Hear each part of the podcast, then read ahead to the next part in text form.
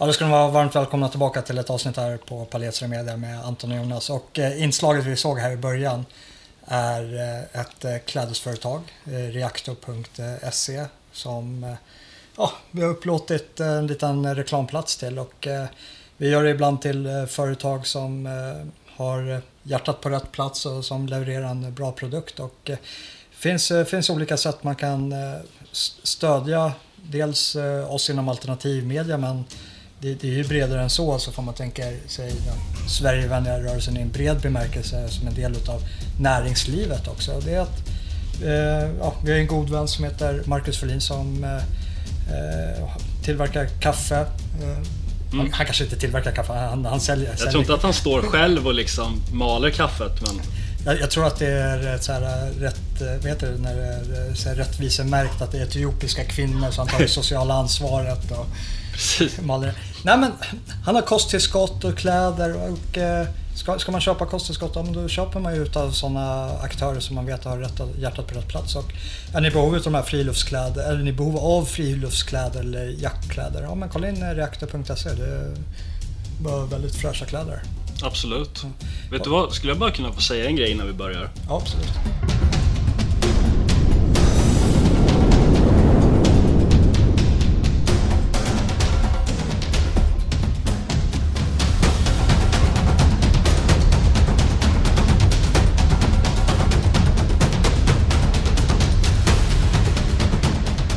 Det, det, är så här, jag tänkte bara, nu kommer inte jag ihåg namnet på den som skrev kommentaren, men det, var, det, kom, ett, det kom en kommentar till den här lilla monologen jag gjorde om mm. Trump och, och, vetenskapen och sådär.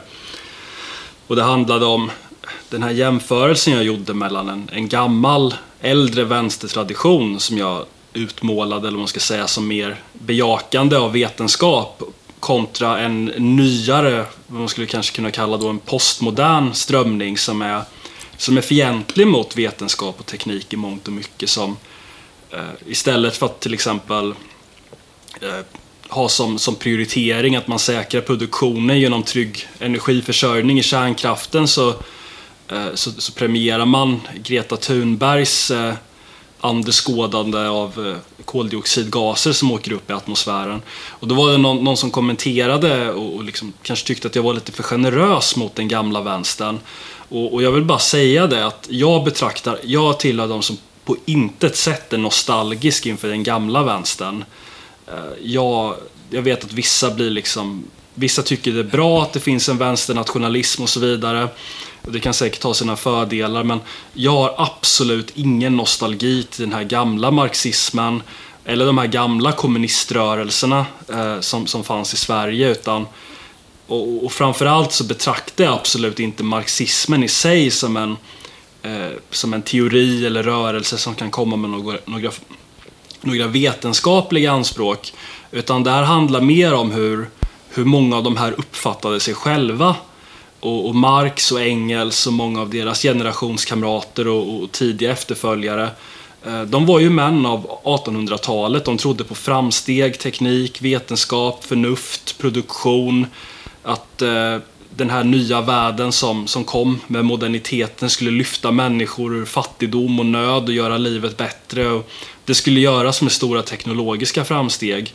Och jag kontrasterade mot den nyare vänster som, som istället är skeptiska till de här sakerna. Där, där fokus ligger på helt andra saker. Jag hänvisar återigen till, till Greta Thunberg som jag tycker är en bra representant för det här.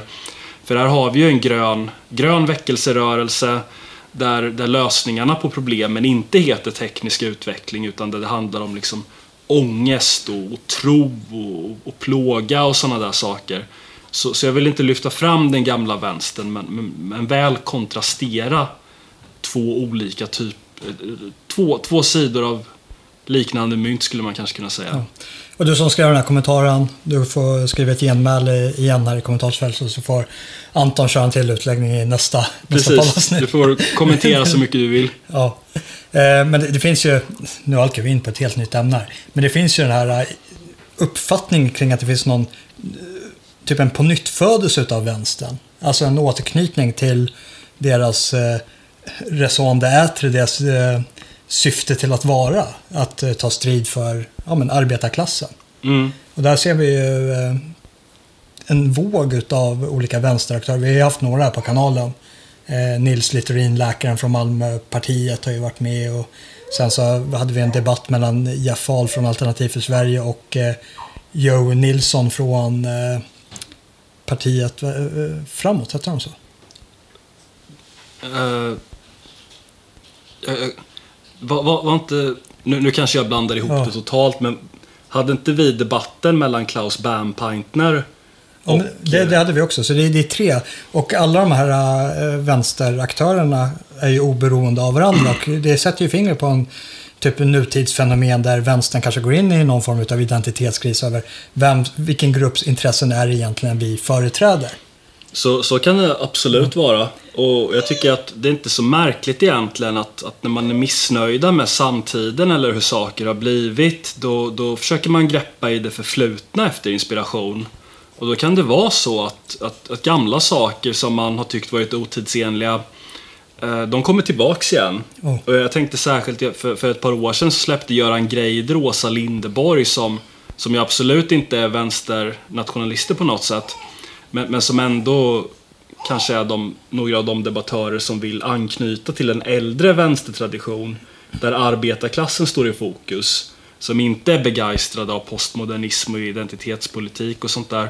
Och det, det ser man också, för jag tycker det, här, det blev faktiskt en ganska bra öppningsbrygga till vad det här samtalet ska handla om, vilket är den nya Biden-administrationen. Just det. Och eh, ser man till många vänsterintellektuella i Amerika, eh, jag tänker på bröderna Weinstein eh, och eh, kanske Sam Harris, som har kritiserat hårt den här så kallade identitetsvänstern. Mm. Den här eh, överdrivna dygdesignaleringen över det, det, det, det här offernarrativet som hela tiden förflyttas. Det är alltid, alltid någon aktör som ska räddas. Och det såg man ju med en av de absolut första exekutiva ordrarna som Biden genomförde som president var att tillåta män att tävla mot kvinnor. Mm. Alltså transgenderpersoner. Precis. Och då, då, där, där kan man ju förstå att identifierar du som vänster och du ser vänsterns politiska företrädare ägna sig åt sådana här saker. Att ja, men, vår nutida klasskamp inom citattecken, det är inte, inte en klasskamp utan det är, det är en annan form av eh, aktörskamp.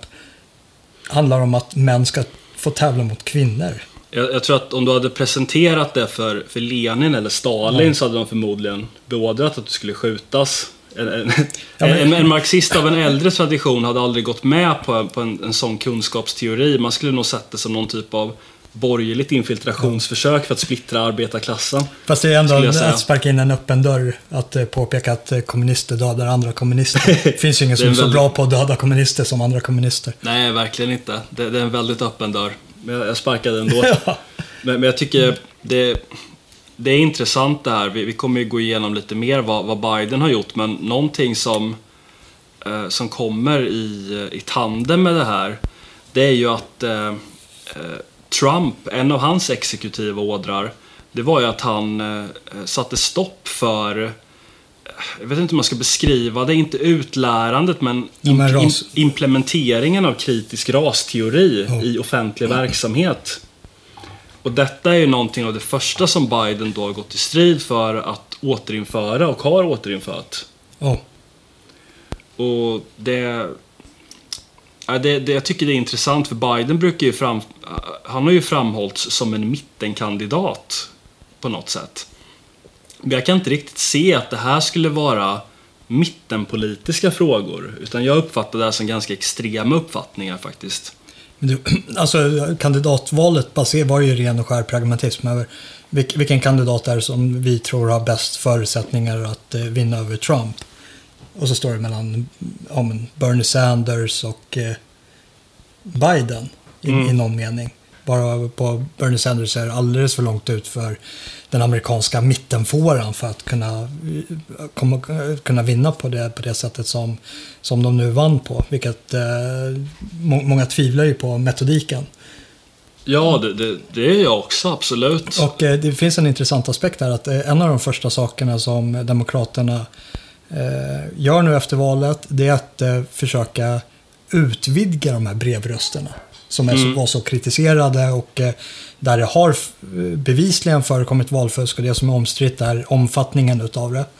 Eh, och det, det, är ett system som aldrig skulle tillåtas i Sverige. Och man måste sätta sig, så här, föreställa er i en svensk kontext, att eh, de svenska myndigheterna skickar ut valsedlar till alla. Utan, eh, utifrån eh, vilka som finns registrerade för, som ska rösta, alltså medborgare.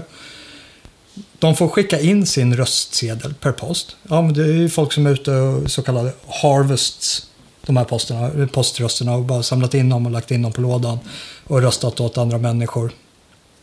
Men det sker ju utan eh, legitimation. Ja, Och eh, de områden som, eh, det, som är omstridda, det är alltså områden som är i motsvarighet till Rinkeby, Tensta, Rosengård. Det, det är alltså gettoområden. ja jag, jag skulle på samma tema vilja... Vi har ju inte pratat om det här, för vi har ju... Ja, livet har kommit emellan Ja. inspelningarna. Men det har ju publicerats två väldigt intressanta artiklar den senaste tiden och en av dem är ju Time Magazine. Där eh, kanske inte erkänner valfusk rakt ut, men, men i princip gör man ju det. I princip så, så medger man ju, eller till och med skryter om hur man eh, skapade de förutsättningar som gjorde att Biden kunde väljas. Ja, man tänder på eh, lagar och regler. Och det här är ju öppen eh, liksom, information att de nästan slår sig själva på bröstet över att de kom undan med det. Ja, Och för, för er som inte har läst den här artikeln, jag lägger en länk till den i beskrivningen här under. den, den förtjänas att läsa i sin helhet för den är väldigt, väldigt omfångsrik. Och det, det är ett otroligt skryt om hur man skapade förutsättningarna för Bidens seger. Som man kallar då att man, att man räddade valet från Trump. Och... Eh, alltså man, man säger bland annat att Mark Zuckerberg gick in med hundratals miljoner dollar. Man lyckades rekrytera in en hel Eh, armada av USAs mest kapitalstarka människor som gick in med oerhörda summor. Alltså inte några miljoner dollar utan alltså hundratals miljoner dollar in i Biden-kampanjen. Man rekryterade en armé av valarbetare, det, det säger, som man själva uttrycker det. Eh, och framförallt så, eh, så, så ändrade man röstningslagarna i, i flera delstater för att man skulle utöka det här med poströster. Och jag gör ju inga anspråk på att vara någon expert på amerikansk förvaltningspolitik. Men jag måste ändå säga att någonting som är ganska uppenbart och som är följden av de här ändringarna i, i lagstiftning och valpraxis som man införde, det är att man ökar osäkerheten i valet. För någonting som man ska ha klart för sig, det är ju att alltså det här nästan rigorösa valsystemet som vi har i Sverige, där, där, där liksom man får hem sina, sina valsedlar och de är väldigt knutna till dig som person och du går in i vallokalen och legitimerar dig. Sånt existerar ju inte i USA, åtminstone inte i samma omfattning. Det finns ju en helt annan osäkerhet där som öppnar upp för, för fusk om nu någon aktör skulle vara intresserad av det. Och det, det finns en lång tradition av valfusk i USA också. Det, är- det är inga kontroversiella nyheter. För man ska ta ett så här extremt, eh, kanske nitiskt exempel, den här filmen Gangs of New York. Det är ingen dokumentärfilm i, i, överhuvudtaget, men den gestaltar ändå någonting eh, när det kommer till det amerikanska systemet och eh, den rättslöshet som faktiskt råder i vad som är ett, i vanliga fall en väldigt eh, utbyggd rättsstat. Absolut. Och någonting mer jag skulle vilja, vilja ta upp här det är eh, det är en artikel i The American Conservative av, av faktiskt den svenska statsvetaren Claes Ryn som jag och säkert många andra betraktar som en av Sveriges absolut främsta tänkare. En, en av få. Som Ja. dessutom gjort internationell karriär och är verksam som professor i Jag i tror han var USA. med i Swebb-TV också. Ja, han, han pratade om det här. Ja. Och eh, han, jag, jag har träffat honom och han, eh, han och blivit inspirerad av honom. Jag har läst hans artiklar i, i ett årtionde men han gick igenom ett antal indikatorer som brukar användas för att förutsäga vem som vinner presidentvalet. För det är ju så här att när en president vinner så finns det vissa saker som återkommer hela tiden genom i princip alla val som gör att man kan eh, man man får någon sorts eh, redskap för att förutsäga valutgången. Och en av dem är ju att presidenten, den sittande presidenten ökar sitt röstantal. Och Trump ökade ju sitt, eh, sin andel av rösterna med 10 miljoner. Mm.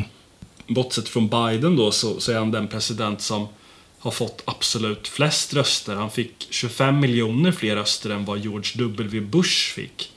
Som ju är hans närmsta republikanska föregångare. Och sen är det även eh, det finns även andra indikatorer. Eh, bland annat så finns det, om jag nu inte minns fe, helt fel, det, det kan vara så att jag använder fel begrepp, men, men det finns 19 kommuner eller counties som man ska vinna. Eller så, som anses talande. Ja. Och om man vinner 14 eller 15 av dem så anses det som att ja, men då, då vinner man valet. Och Trump vann ja, alla Ja. förutom en. Ja, precis. Exakt. Och sen var det även ett par delstater som anses vara sammansatta på det sättet att de, de är representativa för den amerikanska demografin.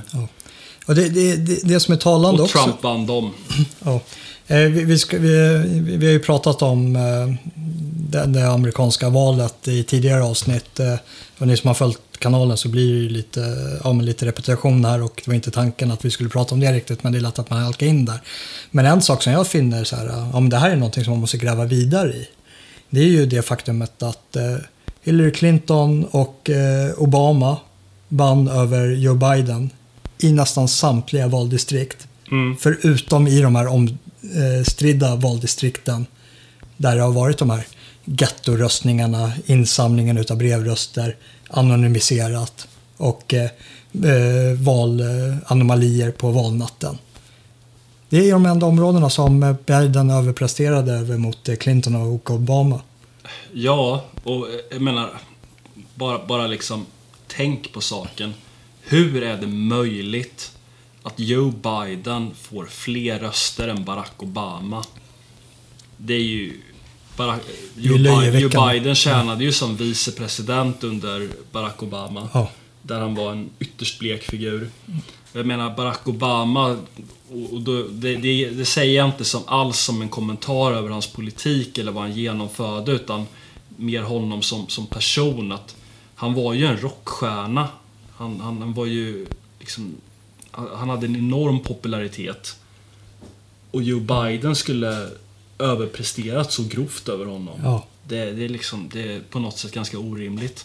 Och, nej, nej, det var ju etablissemanget som satte in allt vad de hade för att bli av med, med Trump. Och det finns ju många exempel på det. Dels den här Time-artikeln där de faktiskt säger det rakt ut. Det finns eh, Project Veritas som har eh, fått det på band utav eh, hur eh, Zuckerberg och de andra big tech-företagen har valt att eh, manipulera sina algoritmer för att eh, gynna demokraterna. Så det, och eh, hur CNN eh, under eh, valperioden och under Trump-administrationen hade så kallad så här, death count på alla deras eh, nyhetsrapporteringar Mm. vid- bredvid nyhetsankaret. Försvann direkt när Biden blev president. Ja, Och sen eh, även eh, olika delstater, ska säga, jag skriva ner två, två av dem. Det var Rhode Island och New Jersey som hade eh, restriktioner under valrörelsen. Alltså någon form av lockdown. Ja, lättade på de lockdownsen efter att Biden blev president. Och det, det är så här, det, det är ju en manipulation utav verklighetsuppfattningen som, som ska förmedlas till medborgarna över hur saker och ting ska tolkas absolut. Det är, det är ren och skär politisk aktivism från de här big tech-företagen, från de här eh, så kallade nyhetsförmedlarna. För det, det är inga nyhetsförmedlare. Nej, och nå- någonting man måste ha klart för sig här är ju att Mark Zuckerberg gick in med en halv miljard dollar Ja. i Bidens kampanj. Det är ju fruktansvärda pengar. Oh. En halv miljard dollar. Alltså det... Och, och sen ska man på något sätt tro att den här mannen är neutral. I hur han väljer att sköta Facebook och hur Facebooks inriktning ska vara i de här avseendena. Och det, det är en sån här uppmaning. Jag vet att det är många av er som kollar på, på oss på, på YouTube och eh, eh, jag, jag önskar inget hellre än att eh, ni, eh, vi finns kvar på YouTube tills vidare. Det kanske kommer till en dag att vi inte blir eh, avstängda från YouTube utan vi väljer självmant att lämna för att vi, det, det tär på den egna själen att befinna sig i eh, det fördömdas tempel. Men eh, försök att konsumera den alternativmedia ni följer, inte bara oss men alla andra på, på Odyssey som ett eh, väldigt bra alternativ till YouTube. Eller lyssna på oss som podd på Spreaker. Mm. Jättebra idé. Ja.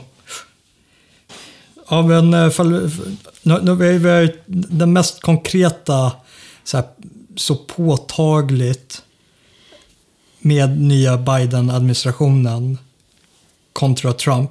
Det, det är så här, man, man, kan gå in på ganska många olika aspekter. En del av dem är de ekonomiska policyerna. Man kan gå in på att ja, under Trump-administrationen så var Amerika för första gången på väldigt, väldigt lång tid, jag har inget årtal i huvudet, men det var, det var liksom över en väldigt lång tid som de blev självförsörjande på energi. Mm. Redan borta.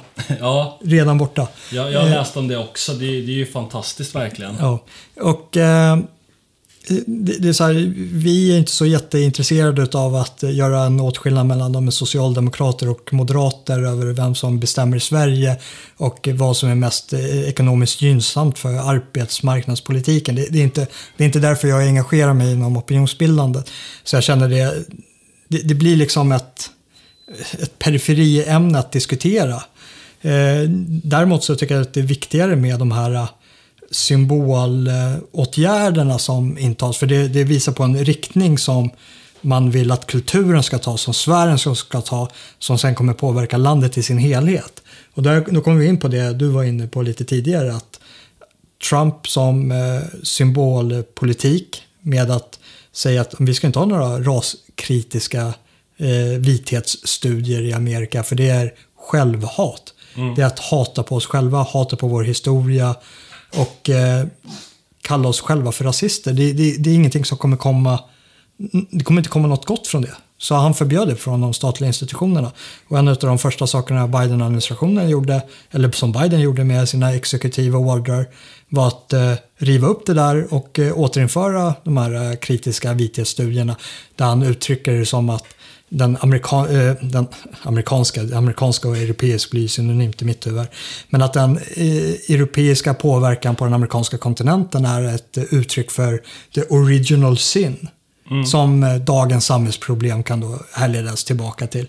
Det är att vi lägger ett vitt skuldbeläggande på ja, framförallt nästa generation som blir tvungna att Eh, Eh, ta del av det här självhatet i de miljöer som de är tvungna att vara i. Alltså skolan och kanske på, på arbetsplatsen fall det, fall det även liksom genomsyras in där. Kanske inte inom det privata näringslivet men definitivt fall vi börjar arbeta i kommunal sektor där, där Biden eller Löfven i Sverige är indirekt eh, eller kanske till och med direkt eh, att betrakta som din chef. Mm. Ja men utan tvekan. Så ja, det det, och det är just på sådana här punkter där det har varit väldigt bra att ha Trump ja. på plats. Snarare då än någon som Biden som, som kommer genomföra det här. Men jag tycker det är lite lustigt att det blir på något sätt som någon sorts, man brukar tala om kontrarevolution. Ja. Som någonting som högern genomför. Men här är det ju faktiskt Trump som genomförde revolutionen genom att ta bort sådana där ja. åtgärder. Och Biden då som genomför någon sorts kontrarevolution eller coup d'etat genom att återta kommandot och införa den absolut mest radikala vänsterns agenda i de här offentliga institutionerna. Ja. Vad, vad tror du att det här kommer innebära på, på kort och lång sikt? Jag tror att på kort sikt så, eh, så innebär det att de, de senaste fyra årens arbete från Trump-administrationen är tillintetgjorda. Ja. På lång sikt så innebär det att den radikala vänsterns agenda kommer att fortsätta. Och man kommer att... Lä läget kommer helt enkelt bli svårare för de människor som inte håller med om den här värdegrunden. Mm. Och det är där man ser, eh, för att gå tillbaka till att det finns ingen som är bättre på att döda kommunister än kommunisterna själva. Nu är det inte mord det här handlar om. Men eh, jag nämnde ju Weinstein-bröderna eh, tidigare. Och de är, de, de är ju socialliberaler ute i fingerspetsarna. Men eh, de har fått sina konton på Facebook raderade. Och de, de, så här, de är typ chockade inför verkligheten. Det är som att få så här, mattan undandragen för sig. Vi eh, inom alternativmedien i Sverige, eh, säkerligen eh, större delen av er tittare är ju redan väl medvetna om det här. Men är du en socialliberal, du är inne i vänstervärmen. Eh, jag vet inte vad motsvarigheten till eh, Weinstein och Sam Harris skulle vara i Sverige. Men det skulle väl vara några eh, intellektuella, kanske folkpartister som samarbetar med Socialdemokraterna som får helt plötsligt... Lars Leijonborg kanske? Lars, Lars Leijonborg på Bulletin som får eh, smaka på en, eh, en verklighet som Sverigevänner har fått eh, smaka på under en väldigt lång tid under Lars Leijonborgs inflytande i maktens korridorer. Och eh, själv få eh, smaka på den censuren utav form, i form av deplattformering. Mm. Ja, ja men verkligen. Det är, det är nog ganska hårt att svälja för, för många av de här människorna. Ja, det, det är nog chockartat. Men dels här självbilden över att nu alla människor har ju någon betraktelse till att man är god i moralisk mening för annars så måste man ju ändra sig för man inte betraktar sig som det. Så de här människorna, likt ja, alla i det här exemplet, betraktar sig som goda på något sätt. Och helt plötsligt så får de, blir de utsatta för en behandling som de bara har ansett att onda människor har fått utstå. Människor som sprider desinformation eller eh, bara lögner, hat, propaganda eller vad de nu väljer att eh, förklä, ha för förklädd anledning till varför man ska slänga ut folk från de här sociala medieplattformarna. Absolut. Alltså, jag, kan, jag kan verkligen föreställa mig hur många av de här högerliberala, eller vad man ska mm. kalla det, bara har tänkt sig att Ja, men vad då deplattformering? Ja. Det är väl bara nazister som ja. blir deplattformerade. Och det, jag tror att det är en ganska, ganska typisk attityd som, eh, som är väldigt vanligt förekommande av någon anledning. Det här att man... man eh, hur, ska, hur ska jag uttrycka det riktigt? Att man har en högre tillit för den radikala vänstern än vad man har för den radikala högern. Mm man betraktar den på något sätt som mer anständig, som bättre, som det vill säga att eh, kommunism är bättre än nationalsocialism. Stalin är bättre än Hitler till exempel. Men sen... Och då, då, då, räknar man inte riktigt med att man ska drabbas av det här, men någonting som man kan påminna sig om, det är ju att när, när Twitter stängde av Donald Trump och, och, och Facebook gjorde samma sak, då var det ju många eh, profiler inom, inom den liksom riktiga vänstern inom vänstermediet som, som till exempel Karin Pettersson som är kulturchef på Aftonbladet som, som gick ut och kritiserade Facebook och Twitter för att de hade handlat för sent. Oh. De hade inte varit tillräckligt intoleranta mot avvikande åsikter då, eller högeråsikter. Det, alltså det, det, finns så mycket gräva i och eh, eh för att nästan citera De Geer att det kräver ett helt, eh, ett helt eget avsnitt. Men eh, det sätter ju fingret på någonting och det är ju den här censuren, eh, åsiktscensuren från maktens korridorer, från den Löfven-regeringen på privat entreprenad. De gömmer sig bakom big tech-företagen. Mm. Samtidigt som eh, de eh, oroas över att eh, det utgår numera mediestöd till flera alternativmediekanaler, däribland SvebTV och Exakt 24 och Samnytt. Varpå News, Voice och Nya Dagbladet blev nekade mediestödet. Men det räcker inte. De vill ju inte att någon av dem ska få mediestöd. För, med förevändning att de sprider o, ovetenskapliga Eh, artiklar eller är osakliga eller att de beskriver, bedriver hets mot enskilda individer. Vilket allt är ju bara lögn och båg. Också attackerar man då Ungern och Polen för att eh, vilja ha en, eh, lägga locket på den fria medien. Ja, men vad är det som händer i Ungern och Polen? Jo, men där försöker man lagstifta mot de här big tech-företagen över att är eh, innehållet inte olagligt enligt polsk lag, ja då ska ni inte ta bort det. Då får ni inte censurera det. Och gör ni det så blir det mot kraftigt vite. Mm. Där är det ju några som står upp för det fria ordet. Ja men verkligen. Det, och, det, och den stora det, det som problemet verkligen berör här, det är ju att Polen och Ungern, de har ju den kommunistiska erfarenheten ja. väldigt färskt i minnet. Och vi har den enda, den enda kommunistiska erfarenheten vi har, det är någon sån här Palme-nostalgi till kommunismen. Alltså vi har fortfarande den här Kuba och Fidel Castro-idén över att ja, men det fungerade på Kuba. Vi har på oss, eh, vi. Inte du, inte vi två som Nej, sitter inte här i alla fall. Jag, jag, jag äger däremot en NPC Che Guevara-tröja. Eh, Det borde väl vara okej. Ja, den, den är okej. Men eh, människor som har på sig Che Guevara-tröja i så här ren så här nostalgiskt syfte och tror att eh, de försökte eftersträva någonting som var lovansvärt. Det gjorde de inte. Och eh, vi håller de här, eh, ja men Kuba, att det, det, det finns något levande där och något äkta som har gått förlorat i det kapitalistiska Amerika där det är McDonalds-symboler och ja, Jag tyckte det var lite kul att exilkubanen och UFC-stjärnan Jorge Masvidal Ja. åkte runt med Donald Trump Jr på en Fighters Against Socialism Tour precis innan valet. Ja, det, det, det är ju sådana människor som har faktiskt flytt från kommunismen. Som har liksom med sig den erfarenheten. Sen vet inte jag vad som har hänt i, i Sverige. Vi har ju massa människor som har flytt från socialistiska länder, framförallt från Sydamerika, som har kommit hit. Och eh, de, de bedriver ju exakt samma socialistiska aktivism som föranledde till att de själva behövde fly, eller åtminstone deras föräldrar behövde fly från Sydamerika. Ja, det, där är, det där är ju ett problem att liksom försöka återskapa den Ja. auktoritära, eller till och med totalitära inställning som, som de själva då eh, sägs ha flytt ifrån.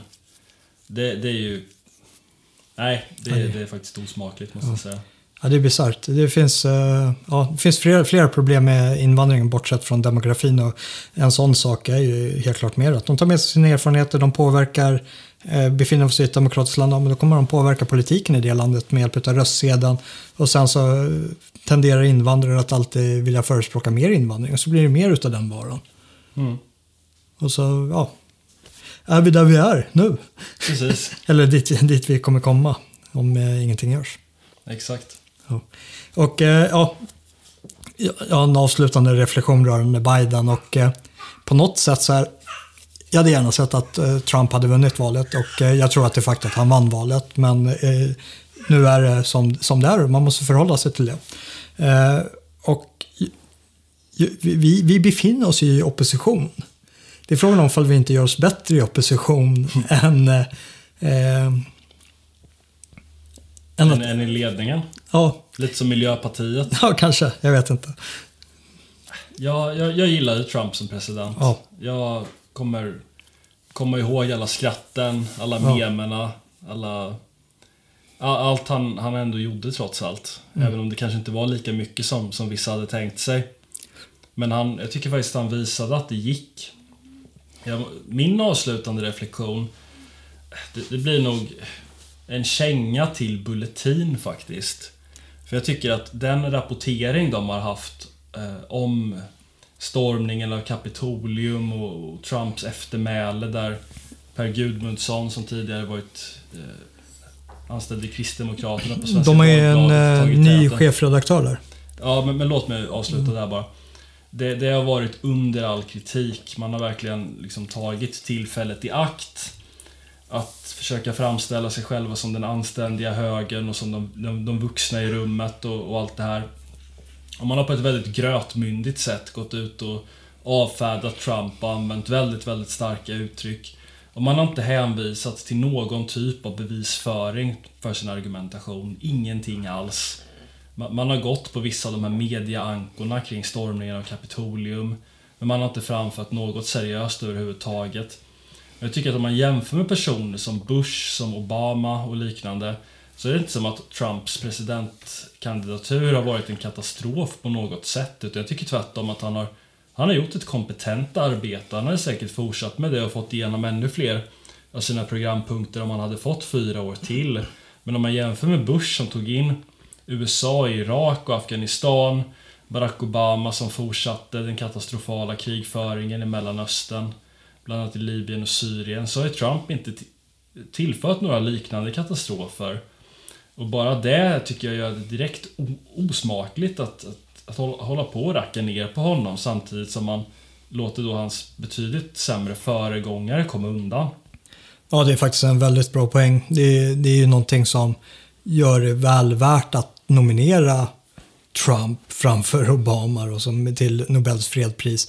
Bortom de anledningar som faktiskt Trump eh, blev nominerad till fredspriset.